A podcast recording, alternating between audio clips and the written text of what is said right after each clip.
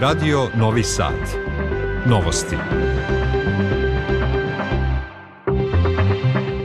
Dobar dan, ja sam Goran Pavlović. Ja sam Nikola Rausavljević. Vesti dana.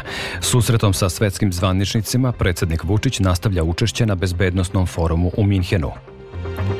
Više od 45.000 poginulih u zemljotresu u Turskoj i Siriji. Spasilačke akcije se nastavljaju. Severna Koreja ispalila balističku raketu koja je pala u Japansko more. Nagrađen milion 500 hiljaditi putnik voza Soko na relaciji Beograd-Novi Sad. Košarkaši Crvene zvezde i Mege u finalu završnog turnira Kupa Radivoja Koraća. U Vojvodini do kraja dana pretežno oblačno i suvo. Sutra više sunca sa temperaturom do 16 stepeni. Prema poslednjim merenjima u Novom Sadu je 14 stepeni. U nastavku dijaloga Beograda i Prištine mora se razgovarati o zajednici srpskih opština, ponovio je predsednik Aleksandar Vučić drugog dana bezbednostnog foruma u Minhenu. On se ponovo sastao sa visokim predstavnikom Evropske unije za spoljnu politiku i bezbednost Josepom Boreljom i tom prilikom mu je snažno zamereno što Beograd nije uveo sankcije Rusiji. Otvoren razgovor sa Josepom Boreljom i priprema za nastavak dijaloga Beograda i Prištine, rekao je Vučić. Borelj je naveo da su predlog Evropske unije normalizaciji odnosa sa Prištinom kao kao i usklađivanje sa zajedničkom spoljnom i bezbednostnom politikom ključni za evropski put Srbije. Vučić, je u Minhe, Vučić se u Minhenu susreo i sa državnom sekretarkom Ministarstva za ekonomske poslove i klimatsku akciju Nemačke Franciskom Bratner, a sastao se i sa predsednikom vlade Severne Makedonije Dimitrom Kovačevskim. Srbija je spremna za nastavak razgovora Beograda i Prištine, potvrdio je predsednik Vučić na bezbednostnom forumu u Minhenu. Srbiji je veoma oštro zamereno nepriključivanje sankcijama Ruskoj federaciji na izuzetno snažan način. Ja, kao što znate, ne želim ništa da sakrivam od našeg naroda i od naših ljudi. Da, ovo je bila jedna od stvari i naravno priprema potencijalnih razgovora sa Kurtijem. Sad, da li ćemo moći da se spremimo ili ne, ja sam rekao sam za razgovor uvek spreman, ali zna se o čemu mora da se govori. To je zajednica srpskih opština. Srbija nikada nije bežala od dijaloga, neće da se sklanja od dijaloga. Srbija je spremna da radi i na svemu što je rekla da će da radi na implementaciji dakle iz francusko-nemačkog sporazuma i sve drugo. Vršilac dužnosti načelnika uprave kriminalističke policije Ninoslav Cmolić potvrdio je da je određen pritvor za petoro ljudi koji se terete za pozivanje na nasilno rušenje ustavnog uređenja, za nedozvoljeno držanje oružja, eksplozivnih materija i za tešku krađu. Koordinisanom akcijom MUPA, BIA i viših tužilaštva, tužilaštava u Novom Sadu i Beogradu više od 20 osoba je dovedeno na informativni razgovor, a za njih petoro je određen jednomesečni pritvor. Kako je rekao, uvidom u njihovu komunikaciju ustanovljeno je da su nameravali da na proteste pre tri dana ispred predsjedništva nose gas maske, kao i da su imali nameru da nose oružje. Protest su organizovale desničarske organizacije nezadovoljne francusko-nemačkim planom za Kosovo i Metohiju. Slušate novosti Radio Novog Sada. Više od 45.000 ljudi je poginulo u zemljotresu koji je 6. februara pogodio Tursku i Siriju, a očekuje se da će broj žrtava biti i veći jer se mnogi i dalje vode kao nestali. Tri osobe, uključujući i dete, izvučene su žive iz ruševina zgrada Antakija na jugu Turske. 296 sati nakon razornog zemljotresa. Telo bivšeg napadača Evertona i Newcastle, futbalera iz Gane, Kristijana Acua, pronađeno je u ruševinama. Turski spasilački timovi nastavili su da pretražuju ruševine, mada su šanse za pronalaženje preživelih male. U Siriji, podeljenoj građanskim ratom, broj poginulih je teško utvrditi jer su neke od oblasti koje je zahvatio zemljotres pod kontrolom vlade, a neke kontroliše opozicija. Milioni ljudi ostali su bez svojih domova. Mnogo je onih koji žive na ulicama ispred ruševina zgrada u kojima su nekada živeli. U deset regiona u Turskoj poslato je skoro 400.000 šatora, ćebad, hrana, timovi za psihološku podršku. Svetska zdravstvena organizacija pozvala je međunarodnu zajednicu da hitno donira 84,5 miliona dolara za hitne zdravstvene probleme potrebe u Turskoj i Siriji nakon razornog zemljotresa. Od vesti i sveta još izdvajamo. Na ukrajinskom ratištu nastavljaju se borbe za Donbas i Zaporožje. Najžešće borbe i dalje se vode oko Bahmuta na istoku zemlje. Ruska ofanziva već je počela i kreće se u nekoliko pravaca, tvrdi ukrajinski predsednik Volodimir Zelenski. On poziva evropske i svetske lidere da pruže, da požure u isporuci oružja. Stalni predstavnik Rusije pri Ujedinjenim nacijama Vasilin Benzija navodi da zapadne zemlje koriste sporazume iz Minska da pripreme Kijev za rat protiv protiv Rusije u sobstvenim geopolitičkim interesima. Dok se nastavljaju borbe, svetski zvaničici okupljeni na bezbednostnoj konferenciji u Minhenu poručuju da će pružiti još veću vojnu i finansijsku podršku Kijevu. Francuski predsjednik Emmanuel Macron pozvao je saveznike da intenziviraju vojnu podršku Ukrajini kako bi pomogli zemlji da izvede potrebnu kontraofanzivu protiv Rusije. Poručio je da u Ukrajini ne može biti mira dok Rusija ne bude poražena. Zbog tragedije u kojoj je u kamionu u Bugarskoj otkriveno 18 tela migranata, do sad je privedeno najmanje pet osoba. Policija je sinoć upala na nekoliko adresa u celoj zemlji, a istraga se nastavlja.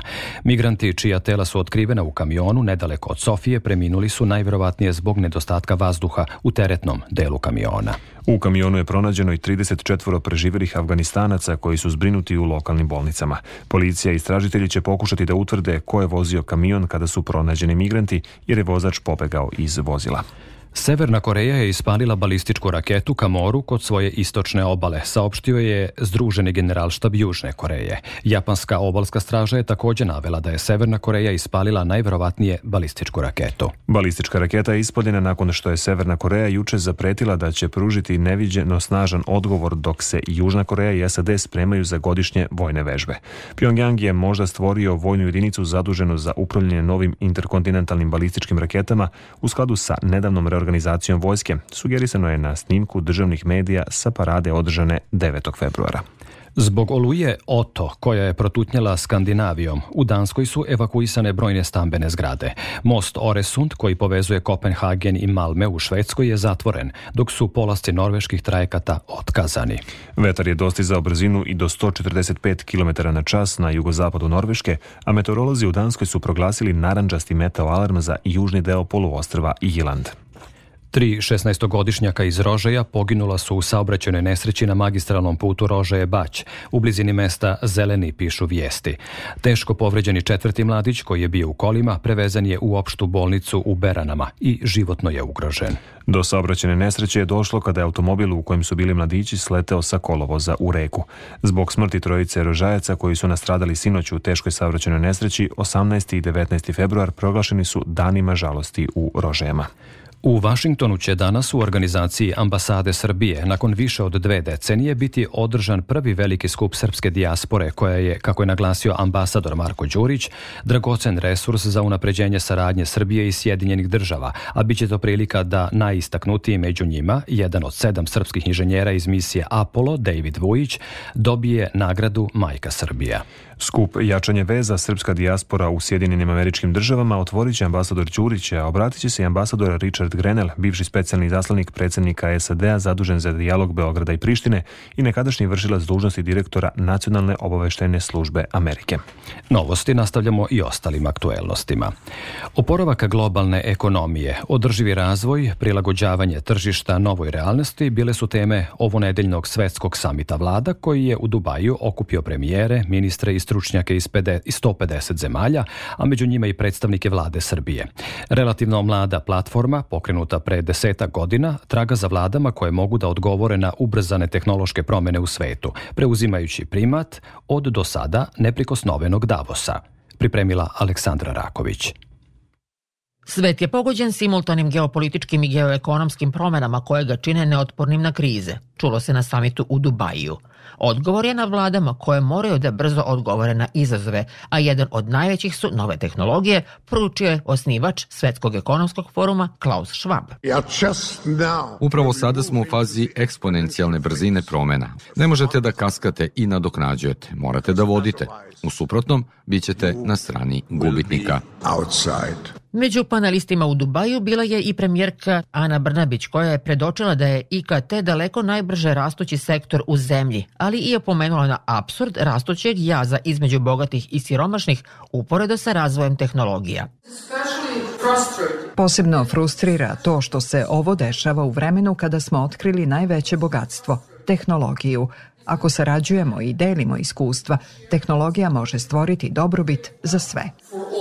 Srbija je u Dubaju predstavila data centar u koji uskoro stiže superkompjuter. Sve to je našu zemlju svrstalo među deset najinovativnijih država od preko hiljadu prijavljenih kandidata. Što smo mi jedna od redkih vlada na svetu koja se setila da kada smo već kupili i uložili u superkompjuter, da to, taj superkompjuter damo u stvari besplatno na korišćenje našim naučno-tehnološkim parkovima, našim fakultetima i našim naučnim institutima. Samit u Dubaju poslednjih godina preuzima primate nad svetskim ekonomskim forumom u Davosu. Zašto? Pitali smo političkog analitičara Branka Pavlovića. To je mnogo glamuroznije i veće po broju učesnika nego Davos, a to je samo po sebi poruka Zapadu da se moć razvija i na drugom kraju sveta. Rat u Ukrajini bio je tema i u Dubaju, uz znatno manje ukazivanje na dežurnog krivca. Za Zapad je to nesporno i dalje Rusija, ali ne i za veći deo ostatka sveta, za koji je primarno pitanje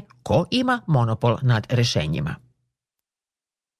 Agencija za ocenu kreditnog rejtinga Fitch Ratings u izveštaju je potvrdila ocenu kreditnog rejtinga Srbije na nivou BB+, i zadržala stabilne izglede za njegovo dalje povećanje, a ministar financija Siniša Mali tim povodom je izjavio da je Srbija uprkos svim izazovima nastavila da beleži dobre ekonomske rezultate. U izveštaju agencije Fitch Ratings navodi se da je kreditni rejting Srbije podržan odgovorno vođenom makroekonomskom politikom, zahvaljujući koji su devizne rezerve zadržane na visokom nivou uprkos negativnom uticaju energetske krize.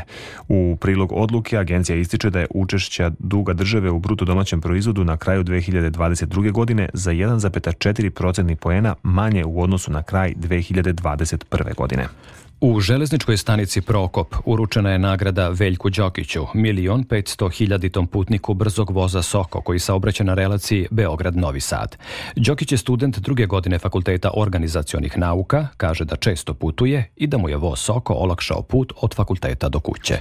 Uručenju nagrade jubilarnom putniku prisustovali su predsednica vlade Srbije Ana Brnabić, ministar građevinarstva, saobraćaja i infrastrukture Goran Vesić i generalni direktor Srbija voza Ivan Bulajić. Premijerka Brnabić kaže da se nastavljaju investicije u železničku infrastrukturu, te da su takvi projekti izuzetno važni i u pogledu zaštite životne sredine. Nastavili smo i ovaj drugi deo trase, a to je od Novog Sada do Subotice, odnosno Kelebije, granice sa Mađarskom. Naši mađarski partneri i prijatelji rade svoj deo pruge, tako da ćemo mi u skladu sa svim rokovima naš deo do uh, Kelebije završiti do kraja 2024. godine. Očekujemo da mađarska strana završi 2025. godine i da 2025. godine idemo za par sati samo, bukvalno između Beograda i Budimpešte. Stručnjaci ocenjuju da obrazovanje u Finskoj na najbolji način može da odgovori današnjim izazovima. Obrazovni sistem tamošnje države građane na poverenju, slobodi i odgovornosti, te se nastavni planovi oslanjaju na zajednički rad nastavnika i đaka. Da li je obrazovni sistem Srbije spreman na korenite promene i u kojoj meri se može primeniti finska pedagogija? Opširnije Biljana Kuriš.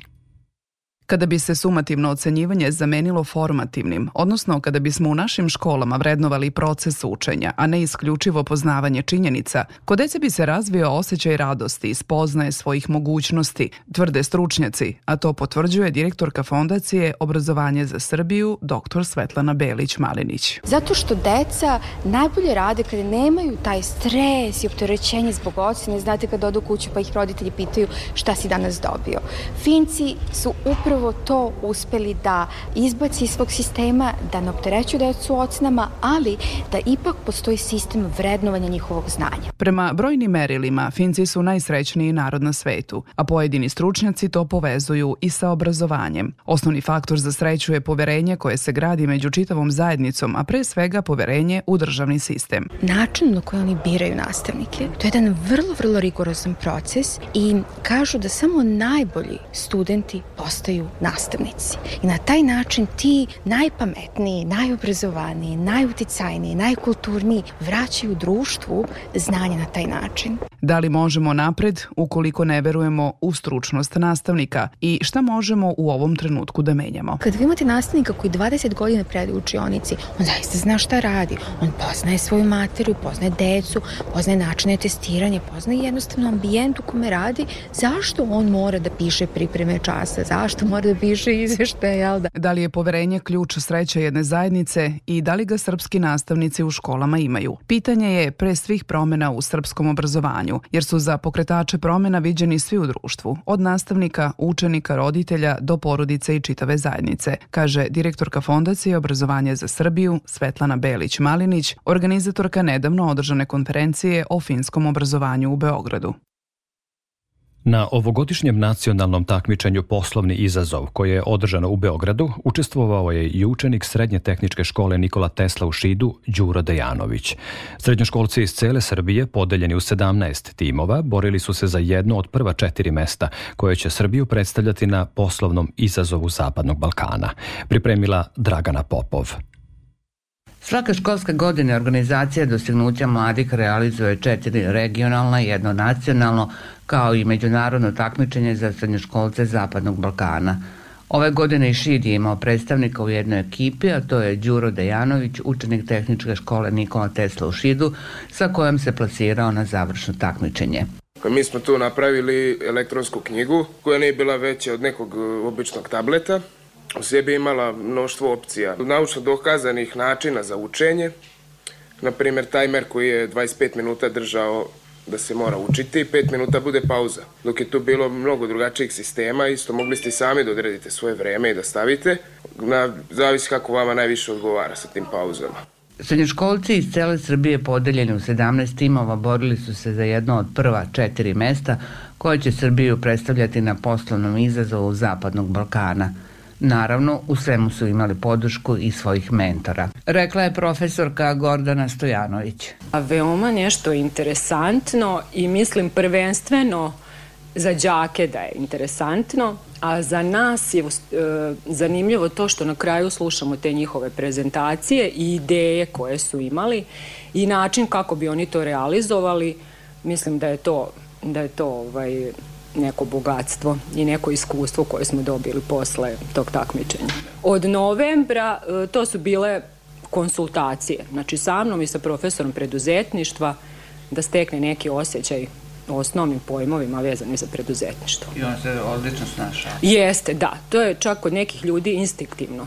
Dostignuće mladih u Srbiji je organizacija koja radi sa srednjoškolcima na bazi preduzetništva – Srednjoškolci, ali i osnovci tokom čitave školske godine istražuju ekonomsko tržište, a na kraju se i takmiče za vredne nagrade. Paketi školskog pribora, odeće i obuće obradovali su šestočlanu porodicu Đošanović iz Kikinde, a pre svega najmlađe. Zahvaljujući fondaciji Humana srca, to je treća humanitarna akcija u Kikindi koja se realizuje u saradnji sa gradskom upravom. Opširnije Tatjana Popović. Kao i sva deca, Miloš Momčilo Mihajlo i najmlađa Milica obradovali su se poklonima. Lepo vaspitan i skroman, devetogodišnji Momčilo Đošanović zahvalio se u ime braće i sestri i dodao da su darovi baš ono što su i poželeli. Oko školskog pribora i obuće i odeće. Pa... Što bi vam bilo tako jako potrebno? Pa ne znam, meni je dovoljno sve ovo. Supružnici Saša i Helena Đošanović u braku su preko 20 godina i hrabro se nose sa svim životnim nedaćama. Iako je ekonomska situacija teška i nije lako obezbediti deci sve što je neophodno, borimo se da ih izvedemo na pravi put, kaže Saša Đošanović. Slušaj, deca, jako su pametna i dobri su učenici, dobri su đaci. Dajte deci sve što možete, to što vi niste imali i obezbedite im najbolji život, znači i pokažite im pravi put da završe školovanje, da imaju svoj papir u ruci, da budu neki normalni ljudi. Pakete školskog pribora, odeće, obuće, laptop i dodatnu finansijsku pomoć obezbedila je fondacija Humana srca. Kako je naglasila Nikolina Đujić, izvršna direktorica fondacije, porodici Đošanović mogli bi pomoći i drugi ljudi dobre volje, kompanije. Naime, porodica Đošanović nema stalan izvor prihoda, jer Saša zarađuje radeći povremene i sezonske poslove, pa mu je stalan posao neophodan još uvek nisu ovaj, trajno zaposleni, radi privatno i evo ja ovom prilikom pozivam sve dobre ljude koji ovaj, misle da mogu da pomognu, da pomognu ovoj porodici, možda da daju neki posao Saši, e, stalan posao kako bi e, primanja ove porodice bila veća i njihova budućnost izvesnija. Zahvaljujući Fondaciji Humana srca, pomoć pristigla za porodicu Đošanović treća je humanitarna akcija koja se u saradnji sa gradskom upravom realizuje u Kikindi. Danas su velike ili zimske zadušnice koje najavljuju pripreme za početak časnog posta. U pojedinim krajevima znaju ih i kao otvorene zadušnice. Običaj je da se danas izađe na groblje i zapali sveće pokojnicima. Tamo gde nije moguće izaći na groblje, sveće za pomen pokojnika pale se u crkvi ili kod kuće. I u Prištini su obeležene zimske zadušnice, ali bez organizovanog dolaska vernika iz centralne Srbije kao ranijih godina. Na polusrušenom i devastiranom prištinskom groblju bilo je samo nekoliko Srba.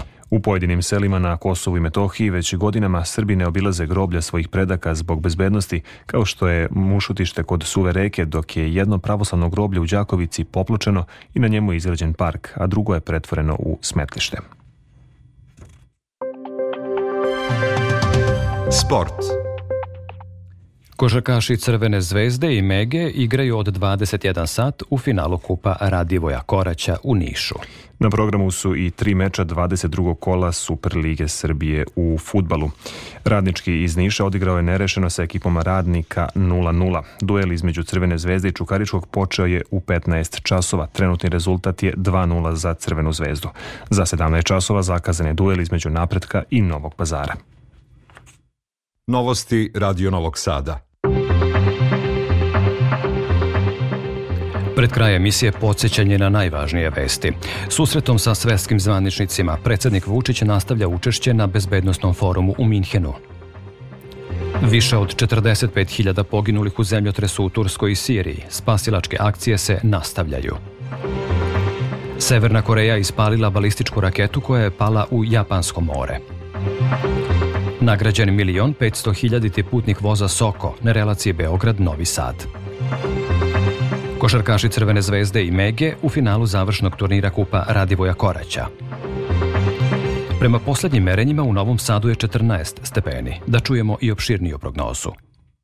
U Vojvodini u nedelju toplo za ovo doba godine sa sunčanim periodima. Popodne dolazi do oblačenja na severu Vojvodine koji će usloviti kišu krajem dana po Vojvodini. Vetar slab zapadni i jugozapadni na severu Vojvodine umeren zapadni. Pritisak malo iznad normale, minimalna temperatura od 3 do 6, a maksimalno od 14 do 16 stepeni. U Srbiji u ponedljak malo hladnije sa prolaznom kišom na jugu Srbija u planinama iznad 900 metara sa snegom koji brzo prestaje. Za Radio Novi Sad, Žika Pavlović, Meteos.